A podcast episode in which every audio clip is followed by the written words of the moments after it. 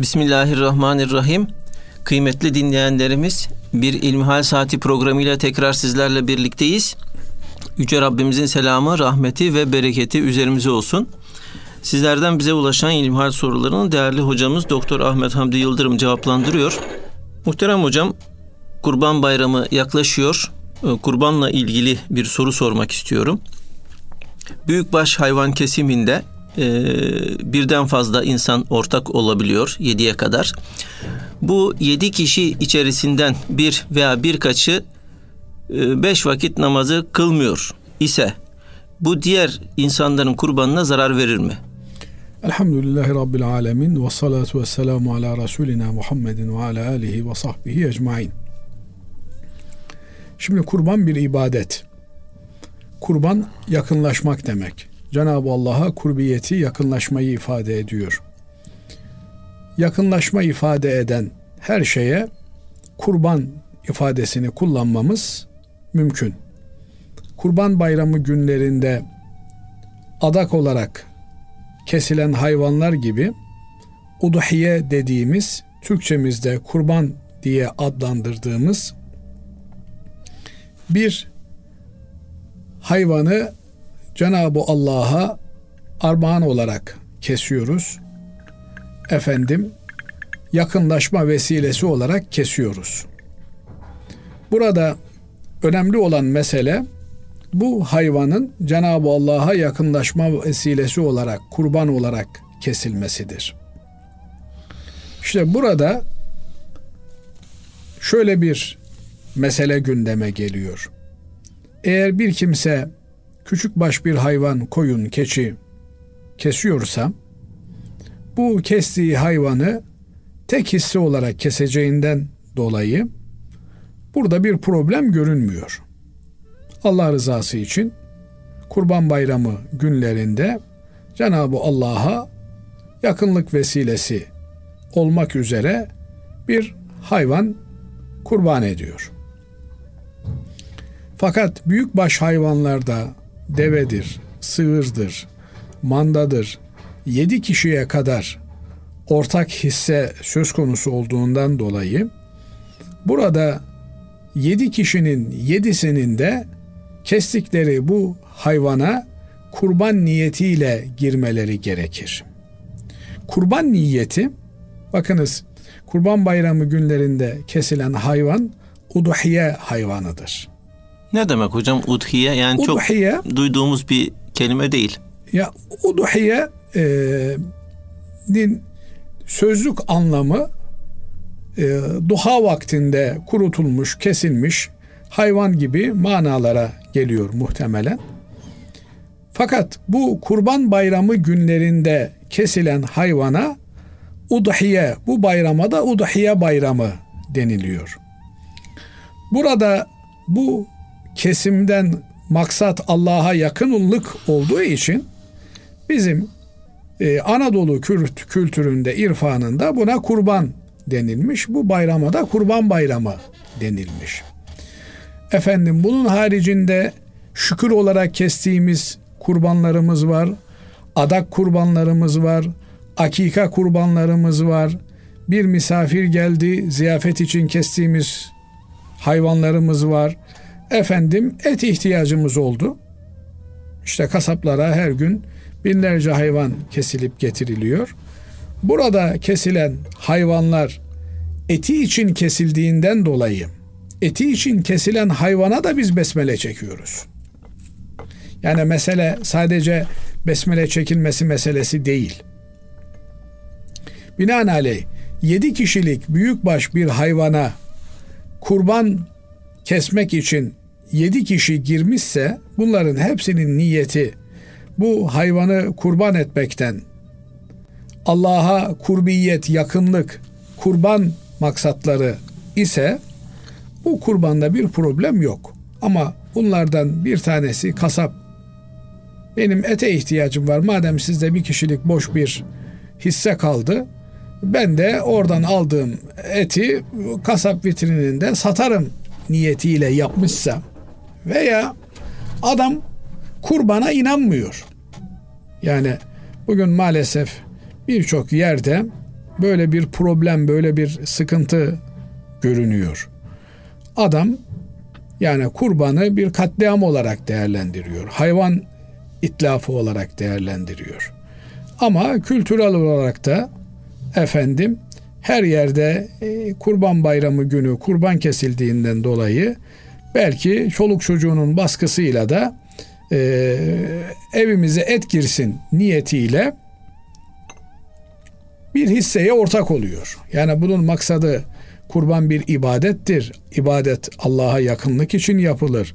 Allah'a yakınlık kazanayım diye bu kurbanı kesmiyor da eh adet olduğu üzere kurban bayramı günleri kurban kesmedi denilmesin. Belki yaşlı annesi var, babası var. Onlar kolu komşuya e, et ikram etmek istiyorlar. Çünkü kurbanın böyle bir güzelliği var. Yani imkanı olanlar keserler, imkanı olamayanlarla paylaşırlar kurban etlerini. Böylelikle kurban e, bayramı günlerinde bizim memleketimizde hemen hemen hiçbir yerde e, kasaplar et satışı yapmazlar. Yani kasaplar çalışırlar belki kurban etlerini kuşbaşı yaparlar, kıyma yaparlar vesaire filan ama efendim kasapların, marketlerin et reyonlarında kurban e, etleri halkın elinde mevcut olduğu için et satışı, kıyma satışı olmaz. Eğer bir kimse e, böyle bir maksatla yani et yemek için kurbana girmişse e, burada problem var demektir. Şunu da burada ifade etmek lazım. Yani ben kurban kesiyorum. Elbette Allah rızası için kurbanımı kestikten sonra kurbanı çöpe atacak halim yok. Onu da etini e, hem kendim yiyeceğim, çoluk çocuğuma yedireceğim, hem de kolu komşuya, akrabaya ziyafet vereceğim, hem de fakir fukaraya dağıtacağım diye de niyetleniyorum. Yani böyle bir niyet olağan bir niyettir, normal bir niyettir. Fakat adam eti alırım, satarım, efendim ben kasabım, ben market sahibiyim türünden bir niyetle kurbana dahil olacak olursa burada e, diğerlerinin kurbanı da sakatlanmış olur. Veya adam e, tembelliğinden dolayı namaz kılmıyorsa ya işte e, Allah beni affetsin böyle bir gaflet var üzerimde diye namazda gevşeklik gösteriyorsa e, o bir yana ama eğer namazın gerekli olmadığını düşünüyor da e, ondan dolayı namazsızsa bir adam onun kestiği kurban da e, kurban olmaz. Efendim onun ortak olduğu hisselerin diğerleri de sakatlanmış olurlar. Dolayısıyla insan Müslümanlarla beraber Allah'a iman etmiş kimselerle beraber eğer bir ortaklık yapacaksa onlarla beraber ortaklık yapmaya bir kurban hissesine girmeye niyet etmeli. Peki hocam ee, sakatlanma durumu yani e, kurbanın sakat olması kurban e, açısından e, mı meydana geliyor yoksa etinin e, yenip yenmemesi açısından da bir e, sıkıntı teşkil ediyor mu? Etinin yenip yenmemesi açısından baktığımız taraf kesen besmele ile kesmiş mi kesmemiş mi? Kesen besmele ile kesmişse bu hayvanın eti yenir. Evet. Fakat eğer hissedarlardan bir tanesi Müslüman değilse o zaman onların kurbanları olmaz. Tekrar kurban kesmeleri gerekir. Kesilen kurbanı ne yapacaklar? Kesilen kurbanı yiyecekler. Veya dağıtacaklar ne yaparlarsa yapsınlar. Besmele ile kesildiği için o kurbanda bir problem yenilmesi açısından yok. Ama kurban olması açısından o hayvanın tamamının Allah'a kurban olarak kesilmesi gerekir. Evet. Allah razı olsun. Şimdi ikinci sorumuza geçmek istiyorum. Diyor ki dinleyicimiz selamun aleyküm değerli hocam. Ben evlilik yolunda ilerleyen bir kardeşinizim. Yaşım 21. Fakat evliliğe adım atmak istediğim kişiyle bazı sıkıntılar yaşıyoruz. Örnek olarak makyaj yapıyor. Başı kapalı ama pantolon giyiyor. Ben de ona her ne kadar az mak- makyaj yapsa da bol pantolon giyse de benim kabul edemeyeceğimi söyledim.'' O ısrarla vazgeçmeyeceğini ifade etti. Dinimizde de doğru olmadığını ifade ettim. Kendisi ise olmayabilir ama böyleyim ben dedi. Fakat makyaj ve pantolon konusunda önceden vazgeçerim demişti. Şimdi de farklı diyor. Ayrıca makyaj ve pantolon konusunda dinimiz tam olarak nasıl bir şey diyor. Yani dinimizin bu konudaki e, hükmü nedir diyor. Bu konuyu kısa da olsa izah ederseniz sevinirim. Bu konuda nasıl bir yol izlemeliyim diye soruyor dinleyicimiz. Şimdi tabii işin bir e, evliliğe taalluk eden boyutu var. Evlilikle ilişkili olan boyutu var. Evlilikte tarafların birbirlerine tam insicamı, tam uyumu ideal olandır. Yani eğer evlenmeden önce birbirlerinin kılık kıyafetiyle ilgili şunu giy bunu giyme türünden bir cedelleşmeye başlamışlarsa bunun sonu pek hayır görünmüyor. Binaenaleyh e, evlilikle her yönüyle tam uyum sağlanması aranır. Efendimiz Aleyhisselatü Vesselam bir evliliğin e, birkaç sebepten dolayı yapılabileceğini söyler. Yani bir insan bir kıza güzelliğinden dolayı talip olur. Efendim bir kıza e, nesebinden, soyundan, sopundan dolayı talip olur. Bir kıza malından, mülkünden dolayı talip olur veya dindarlığından dolayı talip olur diyor. Sen diyor dindarlığından dolayı talip ol velev ki elin toprak görecek olsun. Binaenaleyh bir Müslüman genç için öncelikli olan evleneceği kişi de dindarlığı aramasıdır. İster kız olsun ister erkek olsun karşı tarafın dini bütün, dini hassasiyeti olan bir kişi olmasını araması lazım gelir. Böyle olunca e, başka problemler ortaya çıktığında dini için, diyaneti için taraflar birbirlerine katlanırlar. Bu katlanmaları da onların ahiretleri için bir sermaye olur, bir yatırım haline gelir. Ama güzelliğinden dolayı, yakışıklılığından dolayı bir evliliği yaparsa o güzellik, yakışıklılık mutluluk getirmiyor.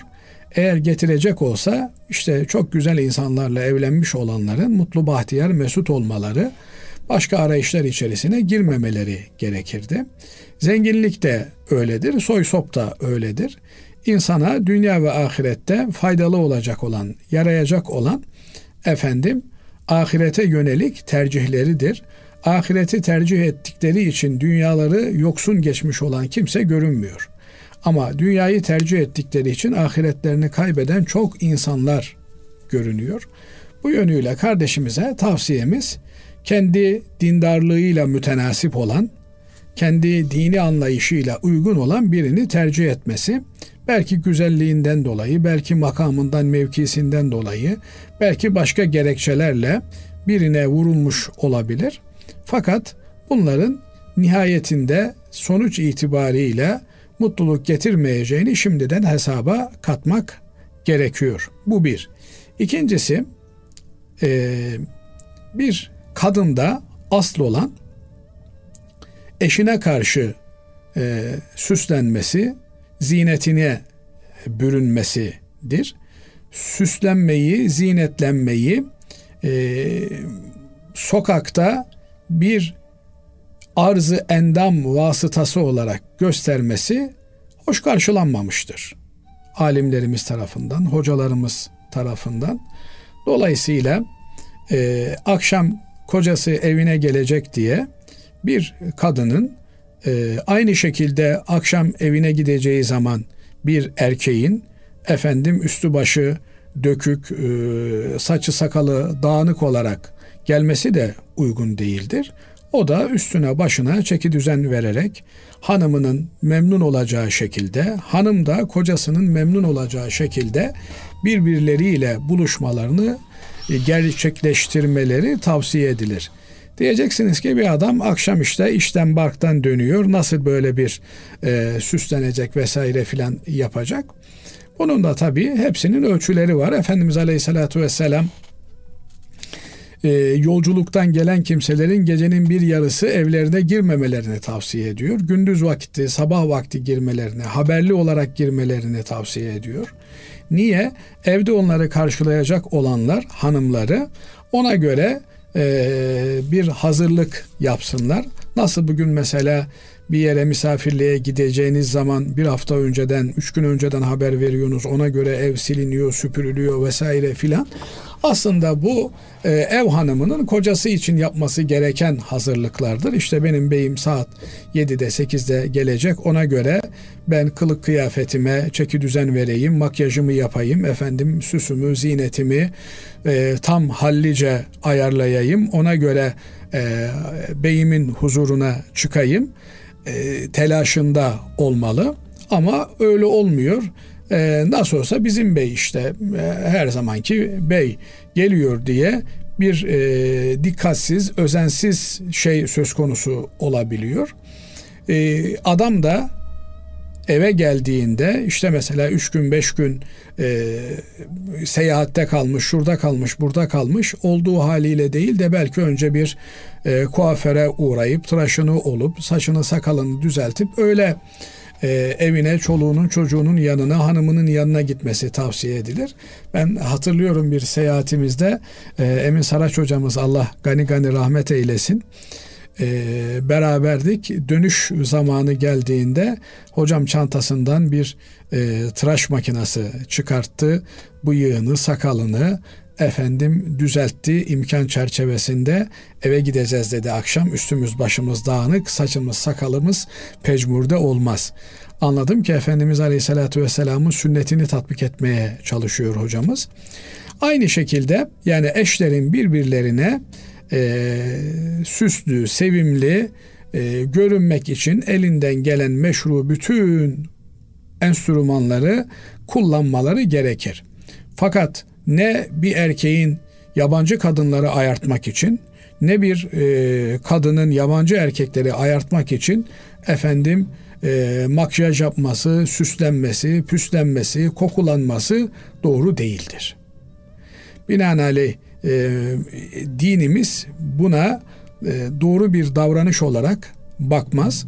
Efendimiz Aleyhisselatü Vesselam parfüm e, sıkıp da sokakta e, erkeklerin o kokuyu almaları ve bir kadının geçtiği hissini duymaları için böyle bir iş yapan e, kadınların cennet kokusundan mahrum kalacağına dair e, ikazları vardır. Dolayısıyla insanlar hem cinsleriyle yani kadınlar kadınlarla beraber oturup kalkmak için bir düğüne gitti, bir davete gitti, bir oturmaya gitti. Elbette e, insanlar birbirlerine karşı güzel kokmak, güzel görünmek isterler. Bu çok doğal bir şeydir. Fakat bu karşı cinsi tahrik edecek, e, onu ben buradayım bak bana karşı ilgisiz kalma, lakayt kalma e, türünden bir mesaj yollayacak şekilde bir hareketin içerisine girmeleri doğru değildir. Cenab-ı Allah e, kendisine kullukta yarış yapan kullarına bizleri dahil eylesin. Yoksa kullara kendimizi sevimli göstereceğiz. Efendim e, şirin göstereceğiz diye bir yarışın içerisine girmek doğru değil.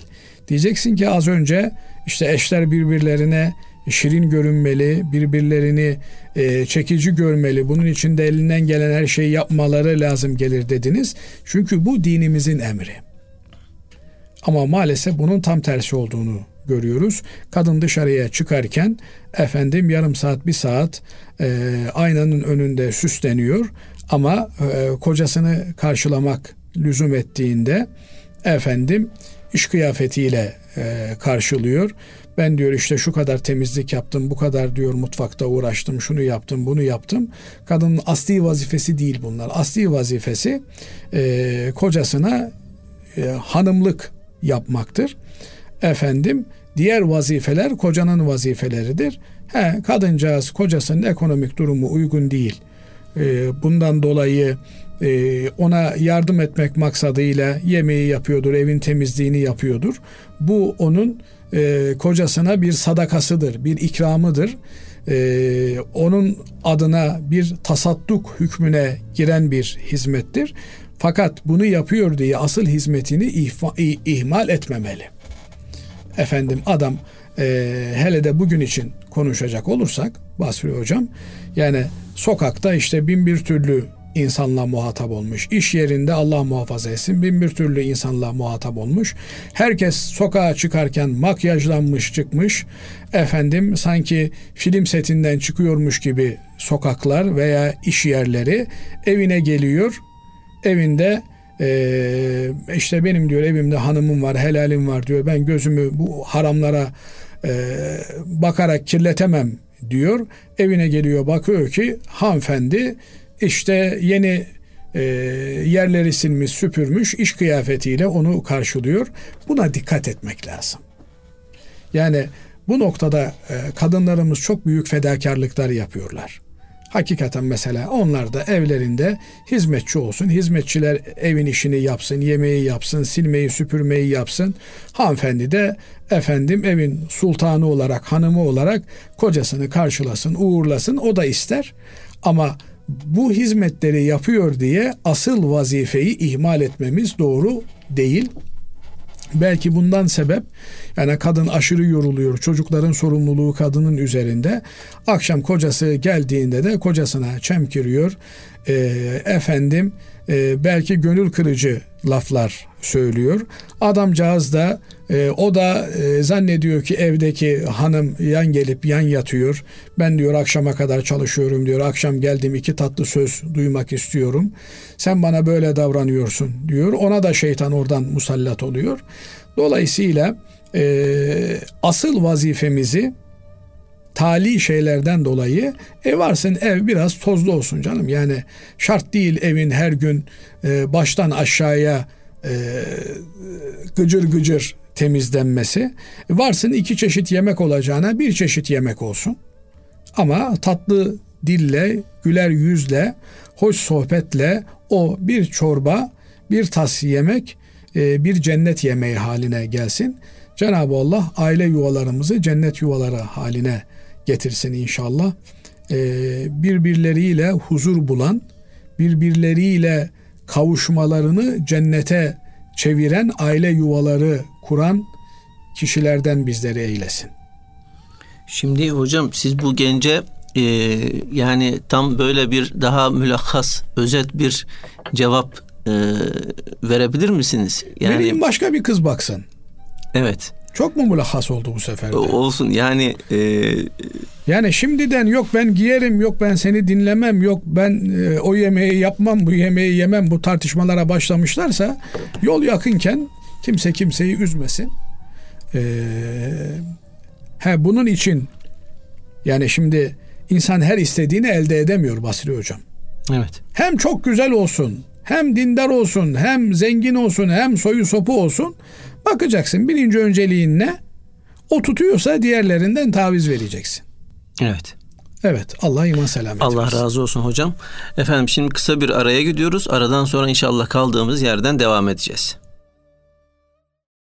Kıymetli dinleyenlerimiz İlmihal Saati programımıza kaldığımız yerden devam ediyoruz. Sizlerden gelen sorulara değerli hocamız Doktor Ahmet Hamdi Yıldırım cevap veriyor. Muhterem hocam dinleyicimiz şöyle bize yazmış. Efendim Erkam Yayınları tarafından basılan İhya-u Ulumuddin eserini okuyorum. Bu kitabın birinci cildinin 54. sayfasında İmam Gazali Hazretlerinin rüyasında Allahu Zülcelal Hazretlerini gördüğü söyleniyor. Kuşeyri Risalesini okurken orada da bazı Allah dostlarının rüyalarında Allah Teala Hazretlerini gördüğüne dair rivayetlere rastladım. Hazreti Musa aleyhisselamın Allah Teala Hazretlerini görme talebinin reddedildiğini biliyoruz. Bu büyük zatların rüyalarında Allah Teala'yı gördüklerine dair rivayetleri nasıl anlamalıyız diye soruyor. Evet güzel bir soru sormuş kardeşimiz. Şimdi Cenab-ı Allah'ı görmemek mümkün değil. Her yerde Cenab-ı Allah'ın varlığını, birliğini gösteren alametler, deliller var. Bu yönüyle e, Cenab-ı Allah'ı her yerde görmek mümkün. Cenab-ı Allah'ın kudretini görmek mümkün. Onun sanatını temaşa etmek mümkün. Yoksa Cenab-ı Allah'ın e, kendisini e, görmeye peygamberlerin gücü yetmemiş. İşte Musa Aleyhisselam e, Ya Rabbi bana kendini gönder, göster demiş. Cenab-ı Allah Tur Sina'ya tecelli edince ki o da bir kudret tecellisidir tam anlamıyla. E, o tecelliden Tur Sina dağı e, çatırdamaya başlamış. Buradan anlamış ki Musa Aleyhisselam yani kudret tecellisini doğrudan temaşaya bizim e, gücümüz yetmez, yetemez. E, nitekim mesela dünya e, şu kadar hızla 1600 e, 70 kilometre hızla döndüğü söyleniyor. Rakam yanlış hatırımda kalmış olabilir. Yani bu bir çok büyük bir hız. Fakat bu e, bize hiç dönmüyormuş gibi geliyor, sabitmiş gibi geliyor yayıldığı için.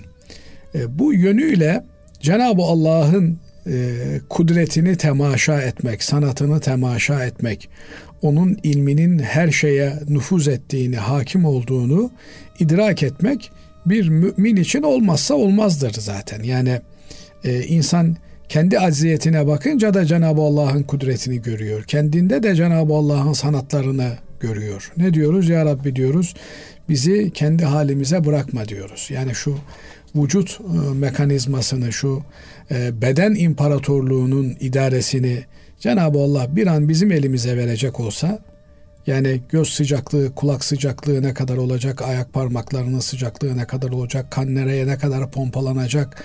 Vücudun bin bir türlü fonksiyonu var. Bunlar otomatikte gidiyor. Bunları bir an kendimiz manuelde götürecek olsak yani iki saniye sürmez, infilak eder. Nitekim en e, mükemmel yoğun bakım üniteleri insan organlarının 5-6 tanesini kontrol edebiliyorlar. Onun haricindekileri tamamen insanı kontrol edebilecek bir e, bir mekanizma yok. Hasılı kelam Cenab-ı Allah'ı her haliyle e, kudretinin tecellilerini, sanatının tecellilerini temaşa etmek durumundayız. Ama biz birbirimizi gördüğümüz gibi böyle bir e, görüntüyle görme manasına bunu alırsak bu Allah muhafaza eylesin çok e, İslam dışı bir telakki olmuş olur. Yani bazen böyle sapık bir takım kimselerin çıktığını işte filanın elbisesiyle filana benziyordu. İşte efendim sizin elbiseniz vardı üzerinizde. Yüzünü çevirdi baktım sizsiniz. Haşa böyle e, din dışı tasvirlerle Cenab-ı Allah'ı gördüğünü söylemesi böyle bunu şunun için söylüyorum piyasada böyle dolaşan e, bir e, görüntü var. Adım ona bir e, hokkabaz, bir şarlatan, affınıza sığınarak söylüyorum. E, bir müridi Cenab-ı Allah'ı rüyasında görmüş. E, nasıl görmüş? İşte bu hokkabaz Şeyh Efendi'nin tırnak içerisinde suretinde görmüş. Haşa. Böyle bir görüntü şeytan işi görüntüdür bunlar. Ee, bu bir vicdani hissediştir. Yani Cenab-ı Allah'ın tecellilerinin karşısında insanın ya Rabbimi gördüm demesidir. Bu görmede e, suret yoktur. Yani bir görüntü yoktur bu görmede. O hissediştir. Yani duyuştur. şöyle belki denilebilir hocam. Hani ölümü gördüm diyor ya. Adam hani ölümü gördüm diyor. Hı, yani, yani yakinen hissettim. hissettim. Ee, Cenab-ı Allah'ı Cenab-ı Allah'ın e, kendisine seslendiğini duyabilir. Yani rüyada. Çünkü rüya alemi bu içinde e, hayat sürdüğümüz aleme benzemez. Rüya alemi zaman ve e, mekandan soyutlanmış bir alemdir. Onun için bakarsınız adam rüyada 70 yıllık, 80 yıllık, 100 yıllık, 1000 yıllık işler yaptığını görebilir.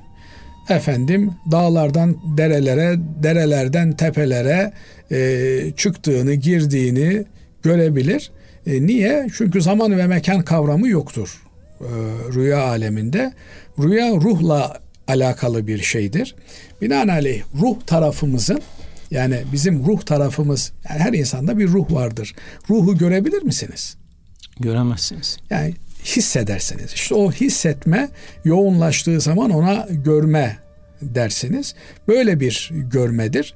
Yoksa e, bizim işte birbirimizi gördüğümüz gibi veya bir dağı gördüğümüz gibi haşa böyle bir görme meselesi değildir. E, nitekim hakiki anlamda bir tecelli de bile Musa aleyhisselam bırakın kendisine kudretiyle tecelliyi, dağ tecellide bile dağın yarıldığını gördüğünden dolayı e, ben göremeyeceğimizi anladım diyor. Binaenaleyh filan zat Cenab-ı Allah'ı rüyasında görmüş, filan mübarek Cenab-ı Allah'ı rüyasında görmüş de kastedilen şey bu hissedişi, bu yoğun tecelliyi ifade etmektir. Bunun e, vehim düzeyinde olmadığını ifade etmek için bunu gördüm diye ifade ederler. Yoksa e, gördüyse anlat bakalım anlatılabilecek bir görüntü yoktur ortada. Haşa böyle bir e, görüntüyü akla getirmekte Cenab-ı Allah'ın kudretiyle, yüceliğiyle bağdaşmaz. Binaenaleyh bunu böyle bilmek gerekir. Nitekim e, yine tecelli dediğimiz Cenab-ı Allah'ın tecelli etmesidir. Bir kuluna tecelli etmesi. E, onun sıfatlarıyla e, kulunun gönlünde o yakini mertebede hissedilmesidir. Bu sıfatlar düzeyinde olduğunda cüz'i tecellidir. Ee, eğer tamamen kul Allah'ın ahlakıyla ahlaklanmış, Rabbani bir e, mahiyet kazanmışsa o zaman külli tecelliye de mazhar olur. Bakarsınız ki e, işte e, Yunus'un çiçekle konuştuğu gibi kainattaki her şeyle konuşur bir hale gelir. Aslında e, siz kulak verseniz yani Yunus çiçekle konuşurken ne siz Yunus'tan bir ses duyarsınız ne çiçekten bir ses duyarsınız ama Yunus çiçekle konuşuyordur. O hissedişi, o algılayışı o dereceye çıkmış demektir. E, nitekim şairin birinin dediği gibi ve fi kulli şeyin lehu aye tedullu ala ennehu vahidu her şey Cenab-ı Allah'ı göstermektedir. Onun tek ve bir olduğuna işaret etmektedir. Bu e, tecellileri e, yoğun olarak yaşayan bir kimse e, ben Allah'ı her şeyde görüyorum der. Allah'ın hikmetini yoğun olarak idrak edebilen bir kişi de bunu böyle ifade edebilir. Yoksa e, bir işte ekranda bir şey görüyormuş gibi Allah'ı görmeyi ve gördüğünü tasvir etmeyi, tasavvur etmeyi düşünmek bile e, dinimiz açısından, itikadımız açısından kabul edilebilir bir şey değildir. Evet. Diğer bir soruya geçiyorum. Selamünaleyküm. Allah'tan iyi olmanızı niyaz ederim. Zinet eşyaları hususunda bir sorum olacak. Kadının zinet olarak altın ve gümüş dışında bilezik, kolye, yüzük vesaire takması konusunda mezhebimizin görüşü nedir? Ek olarak altından zinet eşyasını taksitle almak caiz midir? Şimdi e, Cenab-ı Allah kadını bir e, zinet olarak yarattığını söylüyor. Bu haddi zatında kadının sadece e, kendisi olarak bile bir zinet olduğunu, bir süs olduğunu ifade ettiği gibi zinetin e, kimin tarafından, süsün kimin tarafından takılacağını, kullanılabileceğini göstermesi açısından da önemli bir ifadedir. Yani e, süslenmek kadına güzeldir. Kadın e, bizatihi süslü bir varlıktır. Süslenmek ona yakışır, ona yaraşır. Binaenaleyh bu yönüyle e, takıp takıştırmak mı diyorlar. Efendim kolyedir, küpedir, gerdanlıktır, efendim bileziktir, halhaldır. Her türlü zineti bir kadının e, takması ve e, bu zinetle de e, kocasının gönlünü, muhabbetini kendine celbetmeyi murad etmesi helaldir. E, hatırlayacağınız üzere Basri Hocam Hazreti Ömer Efendimiz bir gün hutbeye e, çıkar radıyallahu teala an ve e, zenginleşmeye başlayan Müslüman toplumunda kadınlara verilen mehrin, mehir nedir? E, evlilik birlikteliğini kurmak üzere olan kadın erkekten erkek e, evlilik birlikteliğinin maddi yükünü çeken taraf olduğu için bakın bunun altını çizerek söylüyorum. Maddi yükümlülük erkeğe aittir ve erkek evlenmek için talepte bulunduğu kızın efendim e, mehrini öder. Nedir bu mehir? E, maddi bir değerdir. Bunun asgarisi 10 dirhemdir denilmiş. Yani efendim işte 40-50 gram e, gümüş neyse ama e, üstünün sınırı yoktur.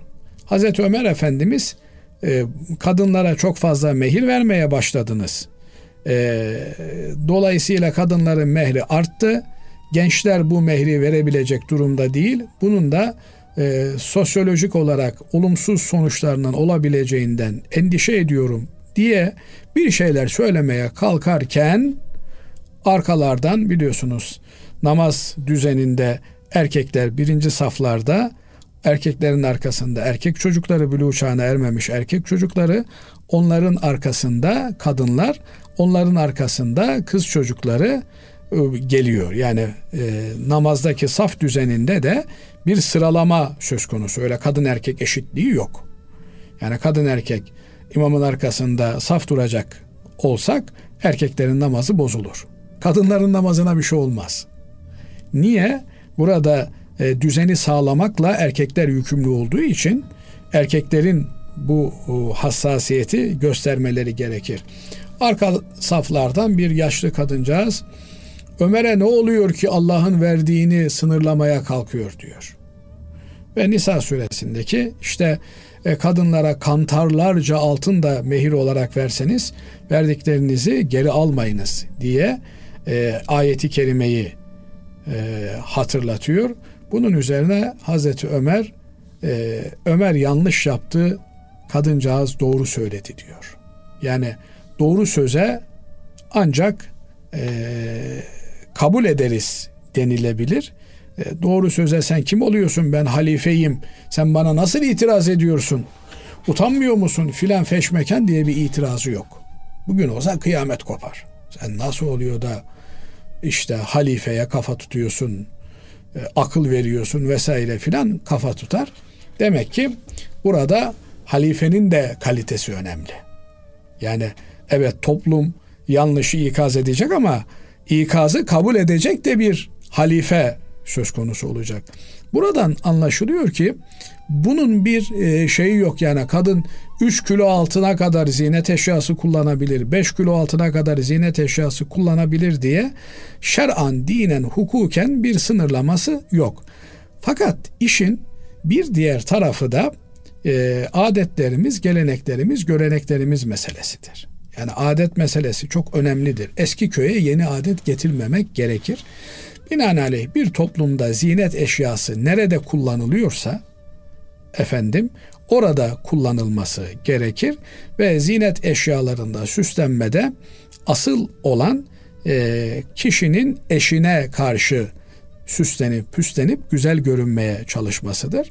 Elbette kadınlar kendi aralarında e, yine zinet eşyalarını takabilirler ama yabancılara karşı cinse, yabancı olan karşı cinse zinet eşyalarıyla görünmeleri doğru görülmemiştir. Ee, bunlar buna göre değerlendirilmelidir. Diğer taraftan hassasiyet gösterilmesi gereken bir mesele de mesela burna bir zinet eşyası takmak olmaz. Yani yüksük takmak tamam, bilezik takmak tamam, hal hal takarlarmış Araplar. Bugün bizim toplumumuzda yani İstanbul yöresinde yok yani eskiden takarlardı ben de takayım dese o da doğru bir şey değil. Yani insan bulunduğu toplumun e, örfüne, adabına riayet ederek bir şeyi yapması gerekir. Diğer taraftan tabi e, burada belki dikkatlerimizin yoğunlaşması gereken bir nokta da bunların bir gösteriş haline gelmemesi, bir statü belirleyici unsur haline gelmemesi. Yani şimdi bir hanımefendi parmağında bir milyon dolarlık bir e, elmas parçasıyla dolaşıyor. Ona göre işte yani ben, ben ben böyle pahalı bir insanım demeye çalışıyor veya giyimi kuşamıyla taktığı marka gözlüğüyle kendisinde bir ayrıcalık üstünlük vehmediyorsa bu ayrı bir kategoriye girer. Hazreti Peygamber aleyhissalatü vesselam Efendimiz giysisini insanlara karşı bir imtiyaz aracı olarak giyen ve kibre giren bir gencin eski ümmetlerden yerin dibine batırıldığını ve hala batmaya devam ettiğini haber veriyor. Yani giysi bir ihtiyaçtır. Efendim yazın sıcaktan insanı korur, kışın soğuktan korur. Efendim avret yerlerimizi örter. Bunun haricinde efendim ben 5000 dolarlık gömlek giyiyorum. Bu gömleği girdiğimde kendimi böyle işte statü olarak üste hissediyorum türünden. Diğer insanları işte perşembe pazarından mı, salı pazarından mı, işportadan mı giyiniyor diye eğer e, kem gözle bakıyorsa bir insan bu giyim kuşam onu cehenneme ancak götürür. Ama ben temiz görüneyim, e, efendim her zaman gömlek almaya imkanım yok, kaliteli bir gömlek alayım, rahat rahat yıkayabileyim, temiz giyinebileyim diye e, Müslümanlara hoş görüneyim, temiz görüneyim, efendim e, giyimimden, kuşamımdan insanlar benim biraz daha varlıklı olduğumu anlasınlar. Bir ihtiyacı varsa gelsin benden ihtiyacını alsın. Bakın burada bütün belirleyici unsur insanın niyeti meselesi. Yoksa e, ben işte bir saat takayım 50 milyon liralık bir saat olsun ama bir fakir benden geldiğinde 5 lira istediğinde git Allah versin diyorsa bir kimse o Allah'ın ona verdiğini idrak edememiş. Sana kim verdi kardeşim yani? Hani Allah versin diyorsun da sana kim verdi? Eğer sana Allah'ın verdiğini kabul ediyorsan o zaman sen de Allah'ın sana verdiği gibi ve ahsin kema ahsanallahu ileyk. Allah sana vermiş. Sen de kullarına ver. Bu yönüyle adam varlıklı bir adam, zengin bir adam efendim yamalı vesaire pejmurda elbiseler giyiyor. Fakir gördüğünde içi yanıyor. Kardeşim diyor şuna bir gömlek alayım diyor. Bu da yanlış. Bu da yanlış. İnsan sahip olduğu zenginliği başkalarıyla paylaşmak üzere üzerinde göstermeli. Yoksa başkalarını kıskandırmak için onların gıpta damarlarını tahrik etmek ve onlara karşı bir üstünlük vesilesi olarak kullanmamalı. Cenab-ı Allah e, bu hassasiyeti cümlemize nasip eylesin. Allah razı olsun hocam. Efendim bugünlük son sorumuz da şöyle. Hocam ben zekat paramı altınımın e, kırkta birini TL'ye çevirip verdim. Ancak senesi Mayıs ayında doluyor. Doluyordu. Mayıs'a kadar altının yükselmesi durumunda farkı ödemem gerekiyor mu yoksa o zamanki ödediğim değer yeterli mi diyor. Burada şunu kastediyor herhalde kardeşimiz. Yani önceden ödemiş. Önceden zekatını. ödemiş hocam. Evet. Bir kimse zekatını Daha... peşin ödeyebilir mi? Ödeyebilir. İşte ben mesela diyelim ki bu sene 50 bin lira zekat dağıtmam gerekiyordu. Baktım fakir fukara e, biri istedi öbürüne verdim derken bitti. E, biri daha geldi. E, ne diyeyim ona ben şimdi? Ya kardeşim bu sene benim zekatım bitti. Sen git seneye gel desem olmaz. Çok da böyle e, imkanı olan biri değilim diyelim ancak zekat verebiliyorum. Maalesef bugün Müslümanlarımızın temel problemi de bu. O da büyük bir şey tabii. Yani en azından zekatı vermek zorunda hissediyor adam. Ama zekatın üstünde benim diyor, para benim diyor. Sen kiminsin kardeşim yani? Sen kiminsin? Dolayısıyla böyle de bir hastalığımız var. Allah önce beni sonra bütün ümmeti Muhammed'i ve bütün ümmeti Muhammed'le beraber beni de bu yönüyle ıslah eylesin, verebilmeyi, vermeyi zevk haline getirebilmeyi nasip eylesin. Ama en kötü ihtimal e, gelecek seneye zekatına mahsuben şimdiden verebilir. Ne verir? Bunun e, şöyle hesaplaması yapılır. Efendim ben 10 lira verdim, 20 lira verdim. E, bir sene sonra Ramazan ayından Ramazan ayına zekatımı veriyorsam kolay olsun diye Hesap ederim ne vermişim şimdiye kadar 20 bin lira. Ne kadar vermem gerekiyor? 30 bin lira. 10 bin lira eksik var 10 bin lirayı tamamlarım. Ama kardeşimiz burada diyor ki ben diyor e, bunu verirken işte 500 lira vermiştim. O 500 lira o gün 2 gram altın ediyordu. Bugün ben zekat verme günüm geldiğinde o 2 gram altın değil de 1 gram altın ediyor. Ne yapacağım diyor. E, bu tür böyle çok da ince detaylara girmeye gerek yok. En üstününden en fazlasından hesap edip insan zekatını ödemeli. Ama şöyle de yapabilir.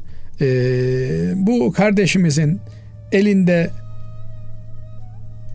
Türk lirası varsa Türk lirasından verir. Altın varsa altından verir. Dolar varsa dolardan verir ve nereden vermişse o gün onu hesap ederek verir. Yani ben zekatı peşin verdim bir enflasyon kaybım oldu diye bu enflasyonu da zekattan mahsup etmek gibi bir şeyin içerisine girmemeli bir e, Müslüman. E, ne verirsen elinle o gelir seninle denilmiş. Bu öyle bir yatırım ki dünyada verilen hayır hasanat, zekattır, tasadduktur vesairedir. Öyle bir yatırım ki sadece bunlar bizimle ahirette buluşacaklar.